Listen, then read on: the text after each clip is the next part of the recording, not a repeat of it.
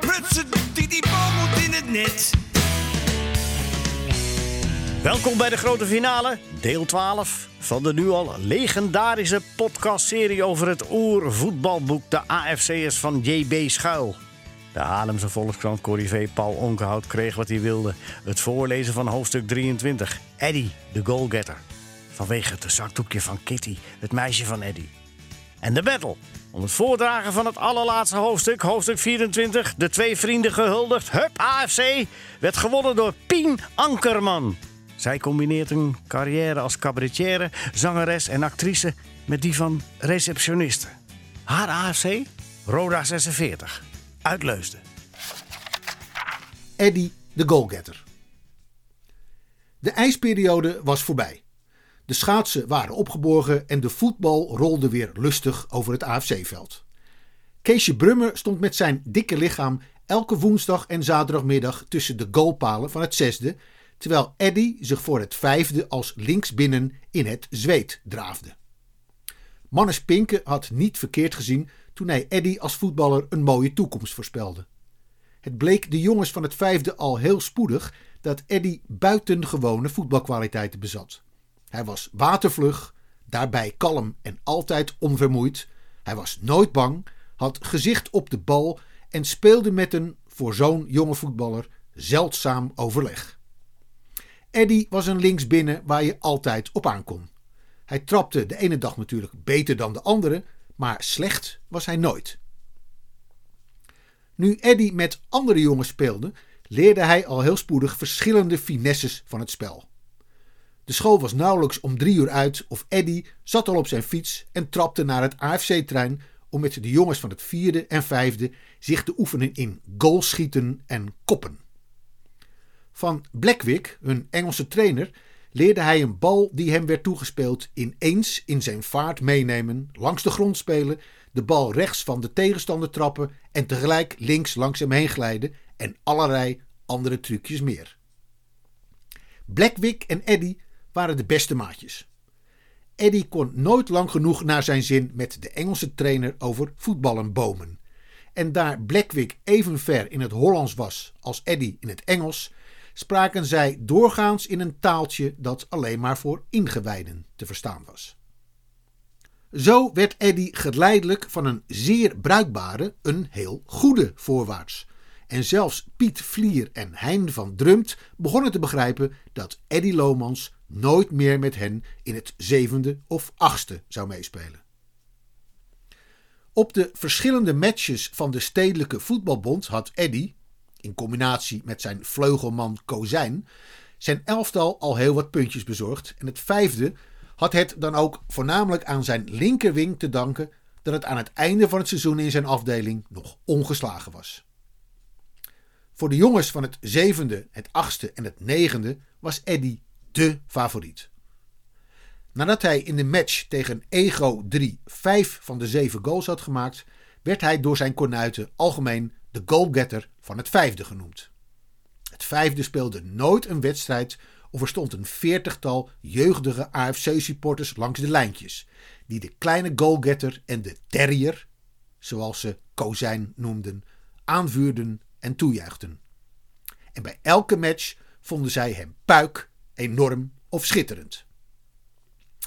Ja, de linkervleugel van het vijfde was bij de jongens bijna even populair als de beroemde linkerwing van het eerste. En er was dan ook niemand die er niet van overtuigd was dat de goalgetter en de terrier het volgende jaar in het vierde zouden spelen. En Kees, die van iedereen het meeste vertrouwen had in Eddie's spel, beweerde zelfs dat Eddie nu al stukken beter was dan Joosten, de linksbinnen van het vierde. Voordat het seizoen nog ten einde was, verloor Eddie echter zijn trouwe partner. Roorda, de linksbuiten van het vierde, was naar Arnhem verhuisd en Kozijn nam onmiddellijk de opengevallen plaats in het hogere elftal in. Voor het vijfde was dit een gevoelige slag, want Eddy en Kozijn begrepen elkaar altijd volkomen. De goalgetter miste de terrier, maar ook de terrier miste zijn vlugge goalgetter. En Kozijn vertelde dan ook aan ieder die het horen wilde dat hij met Lomans veel beter kon opschieten dan met de slome Joosten. Maar voor dit seizoen waren de twee linkervleugelspelers van elkaar gescheiden. En ze zouden dus tot september moeten wachten voordat ze misschien weer naast elkaar zouden spelen. Het voetbalseizoen was zo goed als geëindigd en de competitiewedstrijden waren afgelopen. Tot kampioen had AFC het niet kunnen brengen, maar Eddy, Kees en al de vrienden hoopten nu nog op de beker, waarvan de eindstrijd zondag in Den Haag zou worden gespeeld. Maar niet alleen voor het eerste elftal, dat in die finale van de bekerwedstrijden de kleuren van de club moest hooghouden, doch ook voor het derde was die laatste zondag in mei een belangrijke dag. Dan immers zouden AFC 3 en Vitesse 3 op het AFC-veld tegen elkaar spelen om het eerste klassekampioenschap van de Stedelijke Voetbalbond. Beide clubs hadden evenveel punten en van deze uitslag ging het dus af of Vitesse, dan wel AFC, de zilveren kampioensmedaille zou verdienen, die door het dagblad elk jaar werd uitgeloofd. De AFC'ers hoopten op de kampioenstitel, maar toch, zij vreesden met gerechte vrezen. Het derde was in de laatste dagen lelijk gehavend. Jan Schooyer, de halfback, kon door een ernstig knieongeval niet meespelen. Meijer, de keeper, zat in Engeland en Kronen, de linksbuiten, lag met influenza in zijn bed, zodat het elftal met drie invallers zou moeten uitkomen. Onder deze invallers behoorde ook Kozijn, die het eigenlijk maar een half plezier vond om op zo'n gewichtige dag met het derde te moeten meespelen. In gewone omstandigheden zou hij het natuurlijk reuze fijn hebben gevonden, maar bij zo'n belangrijke wedstrijd, nu het ging om het kampioenschap, hadden ze hem voor zijn part gerust kunnen passeren. Als hij niet voldeed, dan zou hij voorlopig natuurlijk naar het derde kunnen fluiten. Nee, Kozijn had maar liever gezien dat ze Joosten of Greven hadden gevraagd. Als de kleine goalgetter nou nog zijn vleugelman kon zijn, dan was het wat anders. Lomans en hij kenden elkaar. Hij wist precies wat hij aan Eddy had. Ze hadden zo lang samengespeeld dat ze alle trucjes van elkaar snapten. Maar met zo'n vreemde, met Rozen, die altijd solo wou spelen, had hij er niet veel vertrouwen in. Enfin, je kon niet voor de eer bedanken en Kozijn moest dus wel die zondag de plaats van Kronen innemen. Er was voor de wedstrijd om het stedelijk kampioenschap ditmaal een grote belangstelling. Alle AFC'ers, die niet als supporters met mannes pinken naar Den Haag waren getrokken, zaten op de tribune en langs de lijntjes stonden AFC'ers en Vitessers mannetje naast mannetje, alsof het een match van het eerste in plaats van het derde gold. Eddy, Kees, Henk, Bram Heesink, Tony Hespers en alle bekende makkers waren natuurlijk tegenwoordig. Ze zaten achter de goal waar je, volgens Kees, het beste overzicht over het terrein had. Beide elftallen waren al op het veld, maar er werd nog gewacht op Immink, de scheidsrechter, die met een lid van de elftalcommissie bij de tribune stond te praten. Hé, ik wou dat ze nou maar begonnen, zei Eddy, die erg verlangend was om Kozijn, zijn oude partner, in het derde te zien spelen. Ah, eindelijk hoor, daar zal je het hebben. De scheidsrechter is klaar. Op de tribune zat Kitty tussen Loekie en Greet van Dieren. Maar vandaag had Eddy alleen maar oog voor Kozijn. Hoe zou de Terrier nou spelen in het derde tegen Vitesse 3? Eddy was zo zenuwachtig alsof hij daar zelf op dat grote veld naast Rozen stond. De match begon en het was onmiddellijk te zien dat de Vitesses de sterkste waren.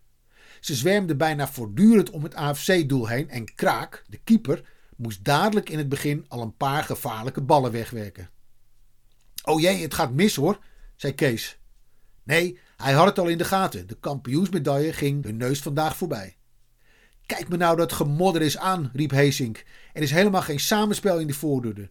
Ze spelen alleen maar op zichzelf. Eddie moest het toegeven, het leek op niks. Die Rozen speelde alsof er geen kozijn naast hem stond, alsof hij alles alleen wou doen. Zo konden ze wel naar huis gaan. Nee, dan waren de Vitesses beter. Verdraaid, wat bracht die voorhoede de bal mooi op. Gelukkig dat Kraak vandaag zo goed was, anders hadden de Vitesses er al een paar gemaakt. Zeg Ed, riep Henk, de terrier valt me niet mee. Maar Eddy nam onmiddellijk de partij van zijn sportbroeder op. Wat kan de terrier nou doen als Rozen altijd de bal maar bij zich houdt, zei Eddy. Zie je, daar heb je het weer. Waarom zendt hij nou niet? Nee, Eddy had gelijk. Wat was dat nou voor spelen?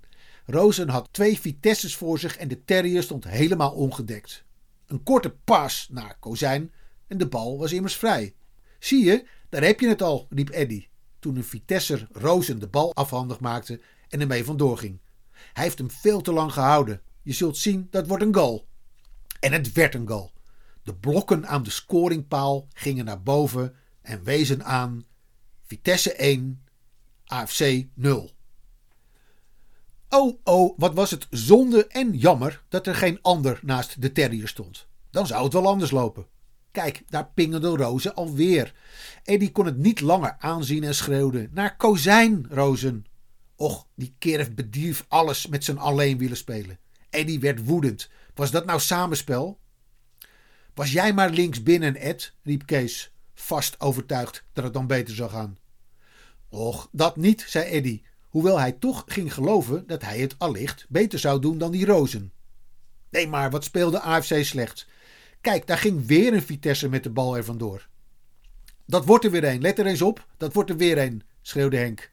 Nou, dat was ook een gelukkie, juist tegen de bovenlat, anders had hij gezeten. Ze hadden wel pech, de Vitessers. Bijna 40 minuten was er al gespeeld en nog altijd wees de Telegraaf 1-0 aan. De goalpalen waren AFC vandaag goed gezind. Pang! Daar vloog hij weer tegen de lat. Nou, dat is een boef, riep Kees. Hé, wat was dat? Waarom werd er gestopt? Oh, Rozen lag tegen de vlakte. Wat zou hij hebben? vroeg Tony Hespers. Zeker kramp in zijn kuit, meende Eddy. Dat kwam zo vaak voor, dat was niks bijzonders. Nee, het scheen toch erger te wezen. Bijna alle AFC'ers kwamen erbij te pas. Wat trekt hij een lelijke snoet, zei Bram. Nee hoor, het is mis met hem, zei Kees. Je zag het duidelijk. Er was iets met Rozen gebeurd. Zie je, daar heb je het al. Ze tillen hem op. Hij moet van het veld af, riep Tony. De terrier stond dicht bij Eddy en zijn vrienden. Vraag eens wat er is, zei Tony. Eddy zette zijn hand voor de mond en schreeuwde: Kozijn, kozijn! De terrier kwam al naar hen toe. Wat is er met Rozen? riep Eddy. Zijn voet verstuikt, antwoordde de terrier. Kan hij niet meer meespelen? Hij kan niet eens meer staan, riep Kozijn. Nou, dan was AFC helemaal gepiept. Met tien man doorspelen en één goal achter. Nee, dat werd huilen. Hé, wat verduveld jammer, bromde Bram. Nou worden die lamme Vitesses natuurlijk kampioen. Ja, dat was het zeker. De Vitesses kregen de medaille. Enfin, zei Kees, die alweer een lichtpuntje zag. Als wij de beker maar halen. De match begon opnieuw. Oh nee, schuim eruit. Nou zijn ze helemaal hun hoofd kwijt. Harre jennig, wat vliegen die twee daar tegen elkaar. Hé, daar richt er alweer een tegen de vlakte. Oh, nou is het een Vitesser. Wie is het? vraagt Kees. Van Dorsen? Ja, waarachtig. Het is de speel van Vitesse. Wat, dragen ze die ook al weg? Nou, dat is een wedstrijd met ongelukken, zei Eddy. Ik ben blij dat mijn vader vandaag niet op het veld is. Zouden ze geen invallers nemen? vraagt Kees. Nee, ze spelen door. De bal is alweer aan het rollen. Het is bijna rust, zegt Bram. Bram heeft gelijk. De scheidsrechter kijkt al op zijn klok. Oh, oh, zou AFC nog gelijk maken? Het lijkt er waarachtig wel op. Hé, wat jammer. Corner. De corner wordt achtergetrapt. De scheidsrechter fluit.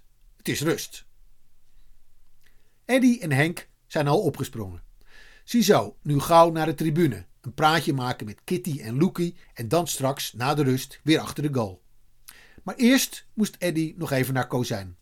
Eddy wilde toch weten hoe de terrier het spelen met de derde was bevallen.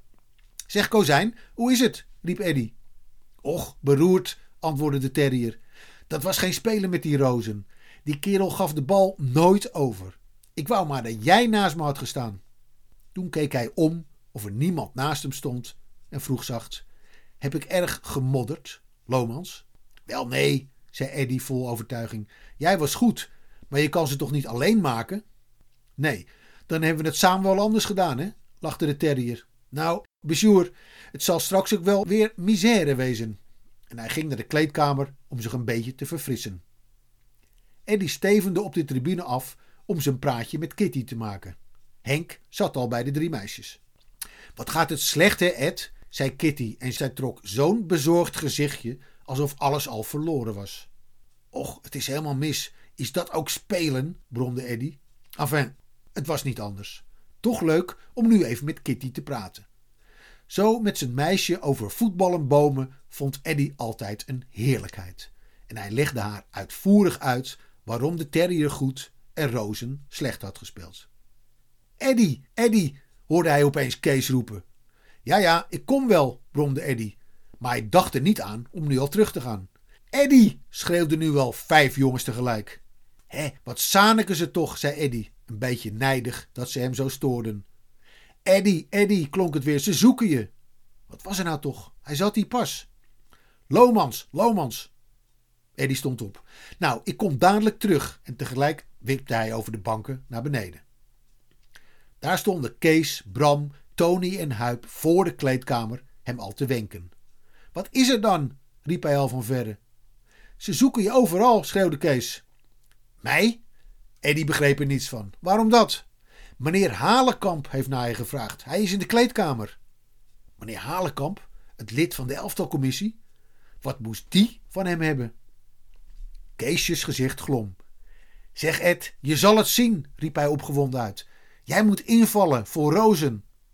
Hé, het was toch niet waar? Nee, dat kon niet. Verbeeld je dat hij vandaag. Eddy voelde zijn benen trillen. Och, je bent niet wijs, zei Eddy. Nou, je zal het zien, vooruit dan, gauw, riep Kees en hij duwde zijn vriend tegelijk de kleedkamer in. Daar stond de heer Halenkamp met het hele derde om zich heen. Zeg Lomans, zei hij dadelijk, verkleed je als de weerlicht. Je moet invallen voor Rozen. Het begon Eddy te duizelen. Ja, vooruit, gauw. Jij hebt het langs met Kozijn samengespeeld. Jullie kennen elkaar. Maak wat voort. Eddy had zijn jas al uitgegooid. Met de derde meespelen, hier op het grote veld, op de match, om de kampioensmedaille, voor al die mensen. Het was te veel om het zo opeens te bevatten. Kees stak zijn hoofd om het hoekje van de deur, zag Eddy zijn blauwe AFC-broek aantrekken. Wel verdikkie, het is zo lui. Eddy speelt mee, hoera, schreeuwde Kees. Eddy was zo zenuwachtig dat hij de veter van zijn rechter voetbalschoen kapot trok. Hier heb je een ander, riep de terrier en hij gooide hem een nieuwe toe. Kees holde al naar de tribune om aan Henk en Kitty en aan Ems en Mies het grote nieuws te vertellen. De Vitessers hebben om een invaller gevraagd, vertelde de terrier, terwijl Eddy zijn veters vastmaakte. Nou, dat vonden wij natuurlijk best, als wij er dan ook een konden nemen. En toen zacht. Fijn dat we weer samen spelen, Lomans. Ik speel met jou veel liever dan met die slome Joosten. Eddy was klaar. Nu zou hij straks vanuit de kleedkamer op het grote veld komen voor de volle tribune. Net als anders Mannes, Jacques, Dolf Hovey, Ben Terhey en al die bekende grootheden. Eddy voelde zijn hart bonzen. Moest hij nu straks met al die jongens van het derde. Wat zou Kitty wel zeggen als zij hem opeens zag verschijnen in zijn witte trui en zijn blauwe broek? Die zou niet weten hoe zij het had. Klaar? Nou, vooruit, daar gaan we, zei Immink, de scheidsrechter. Houd je maar taai, Lomans. Houd je maar taai. Ja, dat mocht Immink wel zeggen. Eddy was zo bleek als een doek. Hij zag ze daar allemaal de kleedkamer uitgaan, al die jongens van het derde. Van Zanten, Kiewits, Van Garderen, Lanenberg, Perelaar. Even haalde hij diep adem. Toen stapte hij naar buiten en, een beetje verlegen, sjouwde hij achter de tien AFC'ers aan. Daar lag het veld. Daar stond de tribune. Daar zaten de mensen. Eddie durfde bijna niet op te kijken. O jee, hij zou nooit kunnen spelen. Hij was zo zenuwachtig als wat. Hij was nu al nat van het transpireren. Zo had hij zich gehaast. Eddie verscheen voor de tribune.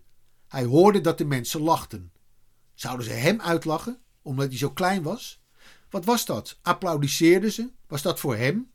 Ja, waarachtig. Hup, Eddie, hoorde hij bij de goal schreeuwen. Het was de stem van Kees. Eddie wou dat hij maar veilig thuis zat. Het werd hem al te benauwd. Hij keek Paul naar de grond. Maar opeens zag hij Kozijn naast zich. Nou, Lomans, ik ben blij dat we weer samen spelen. Eddie haalde opgelucht adem.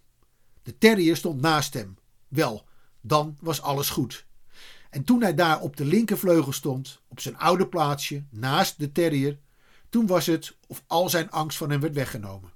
De kleine goalgetter had zijn kalmte terug. Ze konden voor zijn part beginnen. De scheidsrechter floot. De bal was aan het rollen. De kleine goalgetter was onmiddellijk bij het hele publiek populair. Zo'n jonge voetballer hadden ze nog nooit op het veld gezien. De mensen op de tribune hadden dadelijk plezier in die kittige, vlugge linksbinnen. Kijk die jongen eens razend vlug wezen.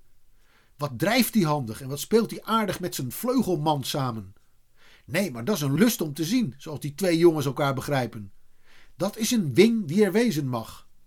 Zo hoorde je aan alle kanten op de tribune spreken. Wie is dat ventje? Hoe heet die jongen? vroegen de mensen elkaar. Lomans, Eddy Lomans, ging het langs de rijen. Let er eens op wat ik je zeg, zei een oude heer achter Kitty tegen zijn buurman. Die jongen wordt later nog eens een beroemd voetballer. Jongen, jongen, wat speelt die kriel aardig. Zeg Kitty, hoor je dat? fluisterde Greet. Kitty knikte lachend. Zij zat met stralende ogen naar Eddie te kijken. Echt hè, giechelde Loekie. Hij moest eens weten dat jij zijn meisje bent. En ook bij het publiek langs de lijntjes was Eddy op staande voet favoriet.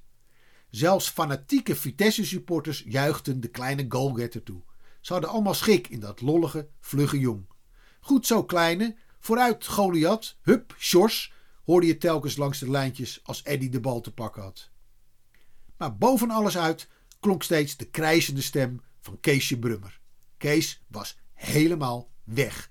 Hij transpireerde nog harder dan Eddy. Hij klapte en trapte maar en hij gilde zo hard: Hup Eddy, hup AFC, goed zo Eddy, dat hij na 20 minuten er helemaal schoor van was. Maar Eddy zelf hoorde er bijna niets van. Hij lette alleen maar op de bal en op de terrier. Al 25 minuten was er gespeeld en nog altijd wees de Telegraaf Vitesse 1, AFC 0. Zou AFC toch moeten verliezen? Ze speelden nu aanmerkelijk beter dan voor de rust, maar tot doelpunten scheen het niet te mogen komen. Toen, na een half uur spelen, gebeurde het. Kozijn kreeg de bal, ging ermee vandoor. Eddie holde mee vooruit en daar ging het, vlug combinerend, op de goal af. Het was een lust om te zien hoe de bal telkens als het nodig was van de ene naar de andere voet verhuisde. Verdraaid, wat spelen die twee jongens netjes, riep enthousiast de oude heer achter Kitty en Loekie. Kitty glom van trots en vreugde. Maar de Vitessers hadden het gevaar in de gaten. Daar waren de twee backs vlak voor hen. Eddie keek vlug naar de terrier, toen naar de goal. Nee, het zou niet gaan. Pam! En met een handige center vloog de bal naar rechts, naar de midden voor. Een reuze kei van Van Zanten en het was 1-1. Bravo, bravo, schreeuwde de oude heer achter Kitty.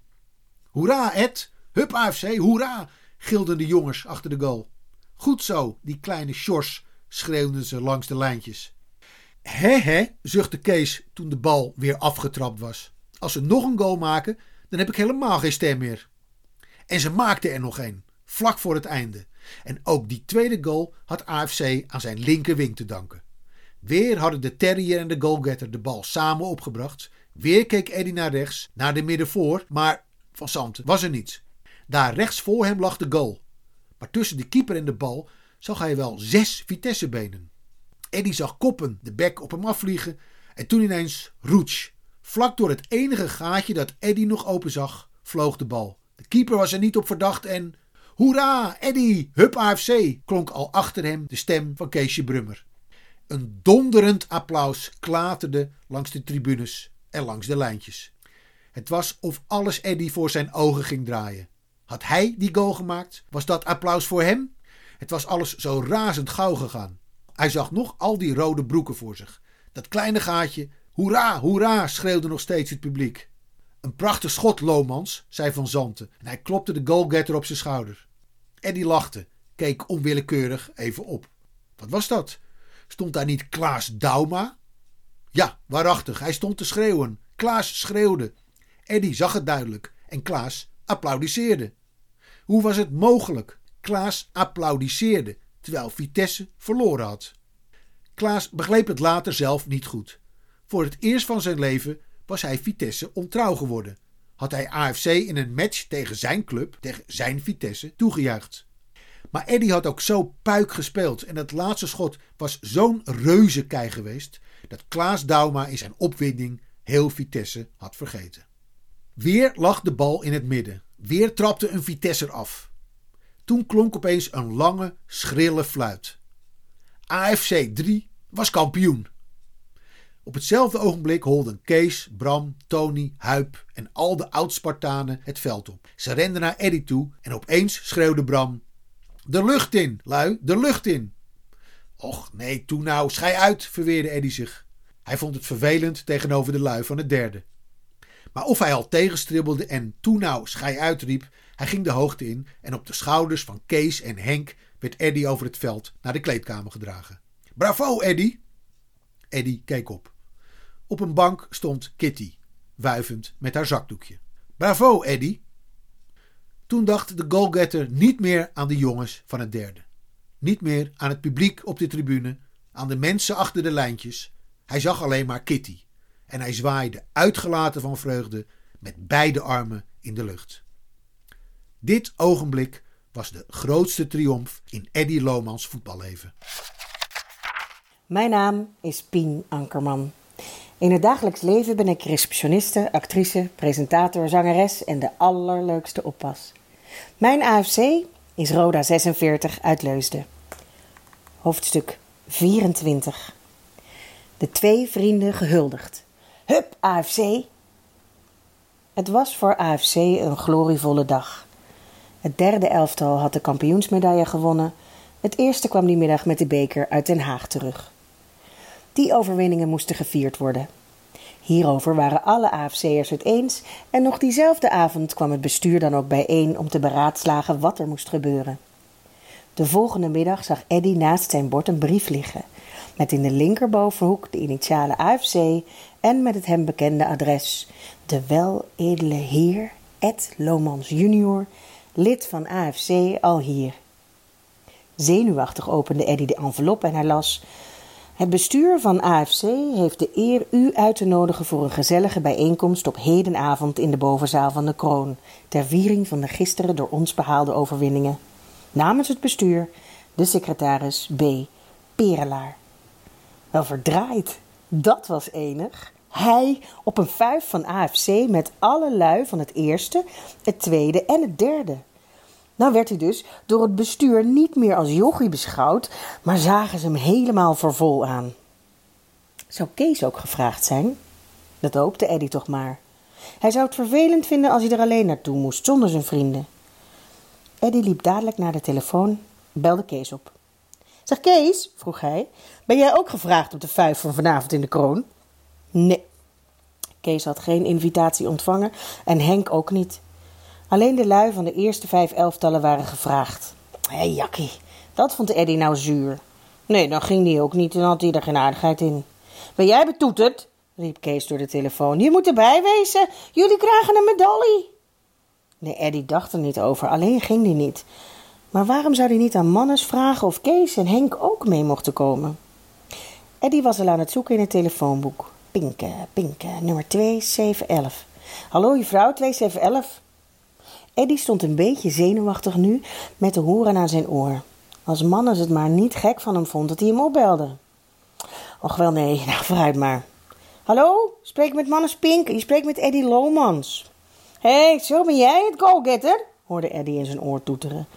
Hé, hoe wist Mannes dat de jongens hem goalgetter noemden? Ik maak je een compliment, je hebt gisteren kranen gespeeld, heb ik gehoord. Wat moest Eddy daar nou op antwoorden? Nou, volgend jaar in het derde hoor, Lomans. Eddy voelde dat de hoorn tegen zijn oor trilde. De mededeling van Mannes maakte hem zo in de war dat hij bijna zijn hele boodschap vergat. Maar toen de AFC-captain hem vroeg waarom had opgebeld, kwam Eddy met zijn verzoek. Wel natuurlijk, neem jij maar mee wie je wilt, riep Mannes door de telefoon. Wel, dat was fijn. Dan kon hij nog meer lui vragen. Hoeveel mag ik er meebrengen? vroeg Eddy. Voor mijn part neem je er twintig mee. Nou, besjoer.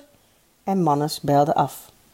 Ziezo, nu wist Eddy wel wie die vragen zou. Nou werd het een lollige pan. En smiddags op school inviteerde hij alle oud-Spartanen tot Piet Vlier en Hein van Drumt in Kluis, om die avond met hem mee te gaan naar de gezellige bijeenkomst in de kroon. Keesje Brummer was in de wolken. Vanavond vuiven in de kroon ter ere van zijn vriend Eddy Lomans. Wel verdikkie, dat was een feest. Want dat het eerste de beker had gewonnen en dat het derde kampioen was geworden, vond Kees allemaal niets vergeleken bij dat ene grote, alles overtreffende feit. Dat Eddy de winnende goal voor het derde had gemaakt. In de ogen van Keesje Brummer zou er die avond dan ook maar één feestvarken zijn, namelijk de goalgetter Eddy Lomans. Kwart over acht waren alle oud-Spartanen in de kroon. Het was er stampvol en er heerste in het gezellige bovenzaaltje een opgewekte stemming bij de AFC'ers. Op het toneel zat het bestuur en aan grote tafels zaten verschillende elftallen bij elkaar. Op de tafel van het eerste stond de in Den Haag veroverde beker. Hier, Lomans, hier, riepen de lui van het vijfde toen Annie binnenkwam. Nee, nee, nee, de go-getter hoort bij ons, schreeuwde Van Zanten, de captain van het derde. Maar Eddy bleef liever bij zijn eigen clubje. Hij moest er niet veel van hebben om bij al die oudere lui te zitten. Toen Van Delde en Van Zanten dat merkten, lieten zij de kleine goalgetter met rust. Ook begrepen zij dat het voor Eddy leuker was om bij zijn eigen kornuiten te zitten dan tussen de jongens van het derde of het vijfde. Klokslag acht uur stond Pleunus, de voorzitter, op. Hij trok zijn gezicht in een officiële plooi, humde driemaal en riep heel plechtig: Heren, Hoera, leven de voorzitter! schreeuwden de lui van het eerste, die al helemaal in feeststemming waren. Heren, begon Pleunius weer. Hoera, leven AFC! schreeuwde Ben hij. En onmiddellijk werd de kreet aan alle tafeltjes overgenomen. Boven alles uit klonk de krijzende stem van Keesje Brummer. Schreeuwen kon Keesje als de beste. Heren, het AFC-lied, riep Pleunius. Toen stonden zij allemaal plotseling als één man op. Jan Stoop ging voor de piano zitten. Ben Terheij klom er bovenop. Het was een oude rammelkast, dus het hinderde niemendal. En onder de fanatieke leiding van Ben zongen de AFC'ers het bekende clublied. Komt clubgenoten, zingt samen de lof van de oude AFC. De club met zijn beroemde namen, de good van de NVB. Blauw-wit in top, hoog onze kleuren, zij voeren de overwinning mee. Na elke match wat ook gebeuren klinkt trots en viert Hup AFC. Het duurde een hele tijd voordat de voorzitter weer aan het woord kon komen. AFC'ers, begon hij opnieuw. Leven Pleun, schreeuwde het eerste elftal weer. Nee, toen nou lui, hou nou even jullie mond. Wees nou eens een moment ernstig, riep Pleunius. En toen het eindelijk stil was, kon de voorzitter zijn feestreden afsteken. Er zijn van die ogenblikken waarop een mens behoefte heeft uiting te geven aan datgene wat hem op het hart ligt. Bravo, dat is mooi gezeid, riep Dolf Hovie. stil Dolf, hou nou eens je bakkers, klonk het van alle tafeltjes. Zo'n ogenblik is thans voor mij aangebroken. Toen gistermiddag de blijde tijding binnenkwam dat eindelijk, na vele jaren, de beker weer in ons bezit was, voelden wij alle dat wij die grote gebeurtenis niet onopgemerkt voorbij mochten laten gaan. Er was een drang bij alle AFC'ers om openlijk hulde te brengen aan ons kranig elftal, dat na maanden van harde strijd weer nieuwe lauweren aan onze banier heeft weten te vlechten. Waar haal je de woorden vandaan, Pleun? riep Dolf Hovie. Sst, sst, klonk het weer door de hele zaal. Met rechtmatige trots mogen wij AFC'ers terugzien op de geschiedenis van onze club. En of, schreeuwde Dolf. Sst, sst. Zolang er in ons land gevoetbald wordt, heeft de naam AFC een grote, een roemvolle klank gehad.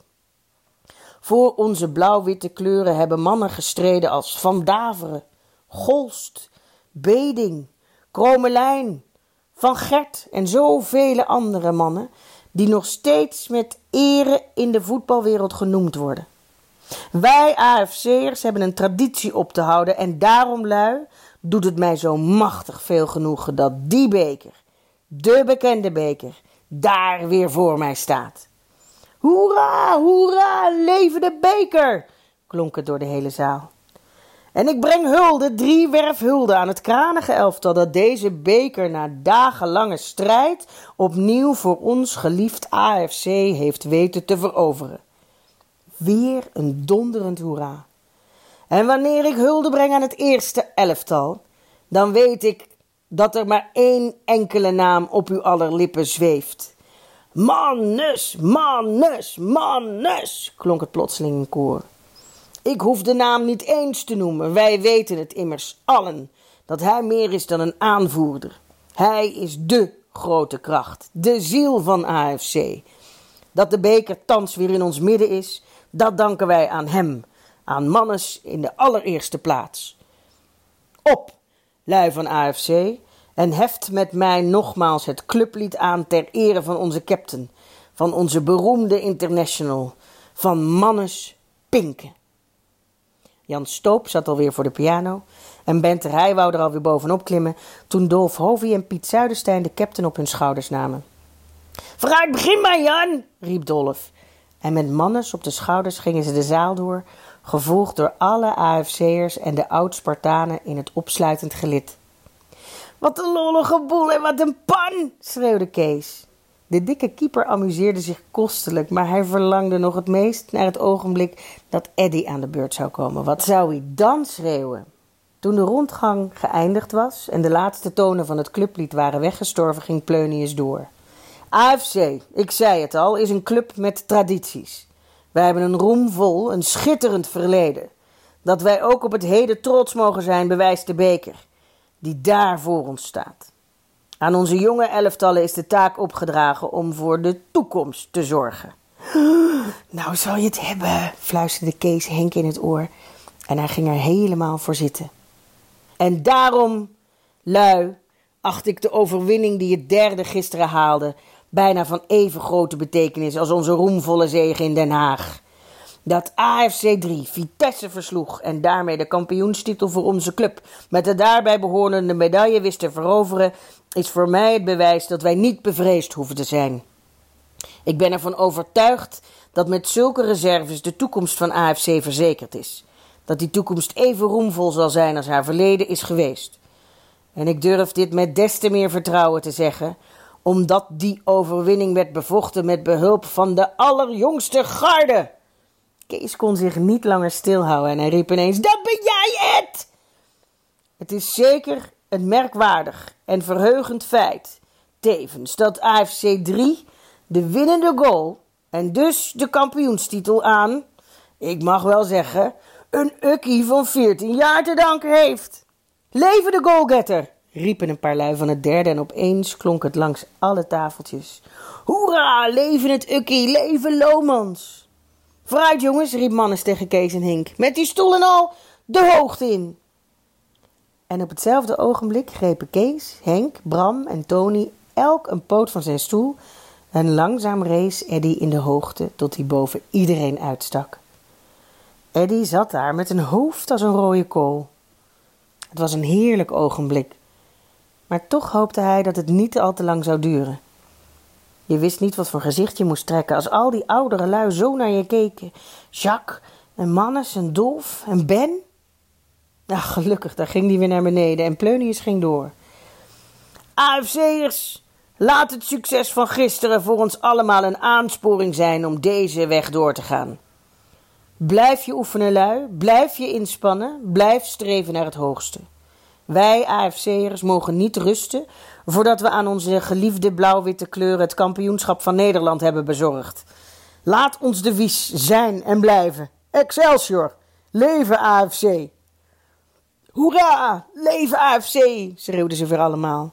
Toen sprong Dolf Hovie op zijn stoel en zette het lied in. Das mooi geweest, das mooi geweest, das drommels mooi geweest. En de hele zaal nam het onmiddellijk over. Nu de sluizen van welsprekendheid eenmaal waren geopend, volgde de ene toespraak na de andere. Mannes hield een korte, enthousiaste speech op Pleun. Jacques op de man van de krant. Bob Perelaar, de captain van het tweede, speechte op het derde. En de captain van het derde op het tweede. De penningmeester toostte op de secretaris en de secretaris weer op de penningmeester. Het was zo'n getoost en gespeech dat Kees er zelfs door aangestoken werd en onverwachts, na een kwartier lang in stille mijmering op zijn stoel te hebben gezeten, het woord vroeg. Hè? Wat was dat? Kees Brummer speechje? Nee, nou zou je het hebben. Alle oud-Spartanen gingen ervoor zitten. Kees stond met een hoogrode kleur achter zijn stoel. Hij had een hele speech op Eddy in zijn hoofd, maar nu hij daar stond, was hij opeens alles glad vergeten. Sst, stilte lui, Kees Brummer heeft het woord, riep Pleunius. Kees kuchte even, wel verdraaid. Hoe was het nou ook alweer? Hij kuchte voor een tweede keer en krabde zich even achter zijn oor. Ik zou je wel helpen, Kees, riep Dolf Hovie. Heren en dames. Wel verdikkie. Nou brachten ze hem helemaal in de war. Oh, wacht, wacht, wacht. Daar had hij het weer. En Kees begon. Heren en dames, schreeuwde Dolf. He, die beroerde Hovie. Nou was hij het weer kwijt. Kees begon opnieuw. Heren. Bravo, Kees, dat is mooi gezeid, riepen de lui van het tweede tegen hem. Opeens schoot Kees in de lach. Vooruit, wat kon hem het hem schelen? Ja hoor, ik kan niet speechen, zei hij. Ik ben het vergeten, maar ik wou speechen op de goal van Eddie Lomans. Leven de goalgetter! Hoera, leven de goalgetter! schreeuwde de hele zaal en Dolf Hovie begon weer te zingen dat het mooi, drommels mooi was geweest. Na de korte, krachtige toespraak van Kees stelde de voorzitter onder applaus voor om de verdere speeches voor een volgende vergadering te bewaren.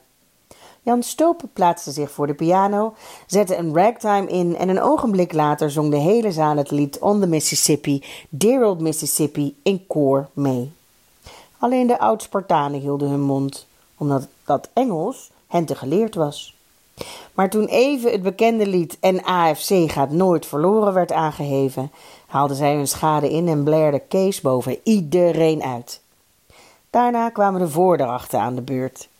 Van Westen kweelde een alia uit de troubadour. Piet Zuidenstein zong zijn speenhofliedjes en tokkelde erbij op de gitaar. En Dolf Hovie drong zijn monoloog de komkommerneus van Janus Blanus voor. Het werd nou echt wat je noemt een pan. En de jongens dachten er nog niet over om naar huis te gaan, tot opeens dokter Walden binnentrad. Zeg Henk, fluisterde Kees, daar is je oom. Henk verschoot van kleur. Nee, maar die zou hem toch niet komen halen? Die schande zou die hem toch niet aandoen? Nee, dat was niks voor zijn oom om hem hier zo'n moddelfiguur te laten slaan. Wat was dat? De dokter ging regelrecht op de voorzitter af. Wat moest zijn oom van Pleunius hebben? Hij liet hem een stuk papier lezen. Er zou toch geen ongeluk gebeurd zijn? Nee, want hij lachte. Dat is je rapport, giechelde Kees. Zij begrepen er niets van. En ook de jongens van de oudere elftallen keken een beetje verwonderd naar die meneer die daar hun gezellige bijeenkomst kwam verstoren. Wat moest die vreemde eend in de bijt? Maar opeens stond Pleunius op. Heren, ik neem nog eens het woord, riep hij. Nee, nee, nee, geen gespeech meer, zeg, schreeuwde Dolf Hovie. Dit zal mijn laatste wezen, lachte Plonius. Ja, wel, dat kennen we, dat zeg je altijd, riep Piet Zuiderstein. Ik heb belangrijk nieuws, riep Plonius en opeens schreeuwde hij extra tijding. Dat hielp. Het werd opeens doodstil in de zaal. Het interesseerde de lui toch wat de dokter aan Pleunius te vertellen had gehad.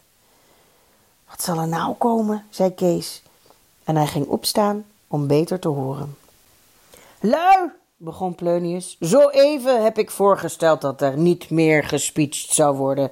Maar wanneer jullie straks hebben gehoord waarom ik nog eenmaal het woord heb genomen, dan zullen jullie me dadelijk toegeven dat ik voor dit bijzondere geval een uitzondering mocht maken. Ik krijg hier juist een bericht dat een van ons, een AFC'er, een grote onderscheiding te beurt is gevallen. AFC 1 heeft gisteren de beker veroverd. AFC 3 heeft de kampioensmedaille gewonnen. Even wachtte Pleunius en toen riep hij met verheffing van stem: Aan de keeper van AFC 6 is heden door Hare Majesteit de Koningin de bronzen medaille toegekend voor het met levensgevaar redden van drenkelingen. Alle AFC'ers keerden zich opeens naar Keesje Brummer. Kees begreep het niet goed. Wat vertelde Pleunius daar? Wat was er met de koningin? Een bronzen medaille? De keeper van het zesde? Wat bliksikater, dat was hij toch? Wat moest dat allemaal? Kees Brummer voor! schreeuwde Pleunius. Hoera, Kees, hoera! hoorde de dikke keeper van alle kanten roepen. Kees bleef onbewegelijk staan. Toe, Kees, vooruit! riep Eddy opgewonden en gaf hem een por zijn rug. Kees sukkelde langzaam naar het toneel. Wat? Daar stond meneer Lomans in de deur en daar stond zijn vader ook tegen hem te wuiven. Toen werd het hem opeens duidelijk. Hij kreeg een medaille van de koningin voor het redden van Eddy. Wel verdraaid, kreeg je voor zoiets ook al een medaille? Daar had Keesje nooit aan gedacht. En nu begreep hij ook waarom die inspecteur van hem wilde weten hoe lang hij Eddy boven water had gehouden. Leven Kees Brummer! schreeuwden ze van alle kanten. Kees klom het toneel op.